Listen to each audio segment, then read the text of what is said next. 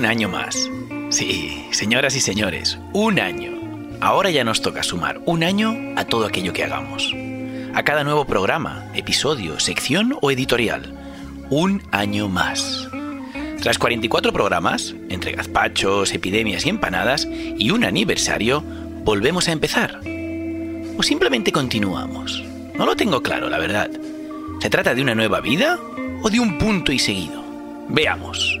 La empanada acaba de dar una vuelta al sol, eso es evidente, pero sigue su marcha y no se detiene.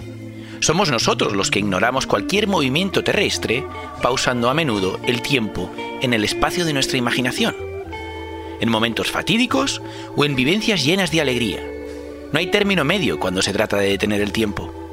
Pero a nosotros nos movía la felicidad de la celebración. Y así, durante un día, todo era fiesta y aplausos. El día del tiempo detenido o del presente dilatado. El día de nuestro aniversario.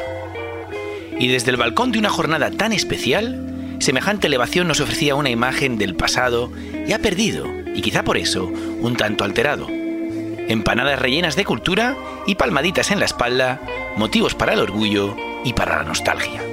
Pero como diría nuestro querido doctor, el ya inolvidable Bombosi, no se trataba de celebrar el pasado, sino de reinventar el futuro y el futuro también se percibía desde el balcón de dicha jornada tan especial, incluso más vívido que el pretérito.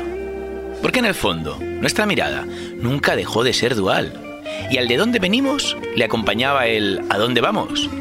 Propuestas y una pizca de vuestra esencia, respuestas y secciones para el mañana.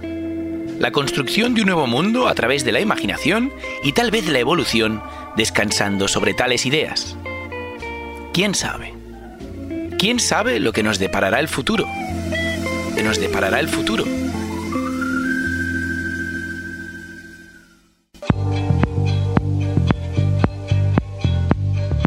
Aparto la mirada de nuestro programa y la realidad ofrece la misma dualidad.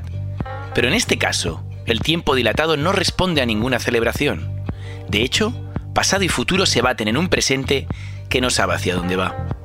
Ante una naturaleza que hace tiempo que nos invita a frenar, a morir o frenar. Y un gobierno que nos empuja al empobrecimiento popular. También hace mucho, pero ahora incluso más. Parece que de la evolución solo quedará la terrible involución a la que nos venimos enfrentando. Mientras escuchamos aquello de es la ley del mercado, toca reinventarse. Pero a ver si soy yo que ya no me aclaro. ¿No estábamos hablando de desacelerar? ¿O era solo una pausa para que los ricos se hicieran más ricos y los pobres volvieran a jugar desde una casilla inferior en la sociedad de consumo. Cambios, señores, cambios. Si algo hay que reinventar es la sociedad, que no conozco personalidades que se puedan reinventar sin traicionar a la coherencia mental. Aunque los libros de autoayuda digan lo contrario. Las personas aprendemos, nos formamos, evolucionamos y también la cagamos.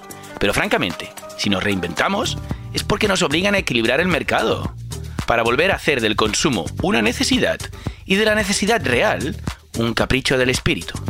Por eso ahora que los tiempos ya no corren, sino que es la vida que camina, precisamente ahora que lo incierto preocupa más que antes, ocuparse de un futuro mejor es nuestra única opción.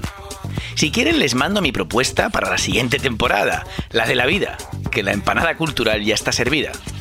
Porque a diferencia de nuestra sociedad, parece que en nuestro programa no lo estamos haciendo tan mal estábamos dispuestos a renacer con vuestras propuestas y aunque la etiqueta ya nos acompaña, se podría decir que lo nuestro es un punto y seguido. Nuevos ejemplos, nuevos discursos dentro del infinito cultural, pero en esencia la misma empanada de siempre. Eso sí, haciendo del futuro un presente inmediato y de algunas peticiones una realidad a escuchar. Paul recupera la propuesta de Israel y nos trae la peli Color Out of Space, cine trash, no tan pretendido como accidental, pero malo a fin de cuentas. Ferran se queda con la sugerencia de Rubén y analiza el videojuego Last of Us, que encuentra en otra pandemia un decorado para la diversión y la reflexión. Y un servidor se pasa por el forro toda recomendación y entenderá que hagáis lo mismo con la suya. Pero tratándose de la serie Afterlife de Ricky Gervais, quizá podáis perdonarle. A Ricky, no a mí. Yo ya no tengo remedio. Reinventos, los justos.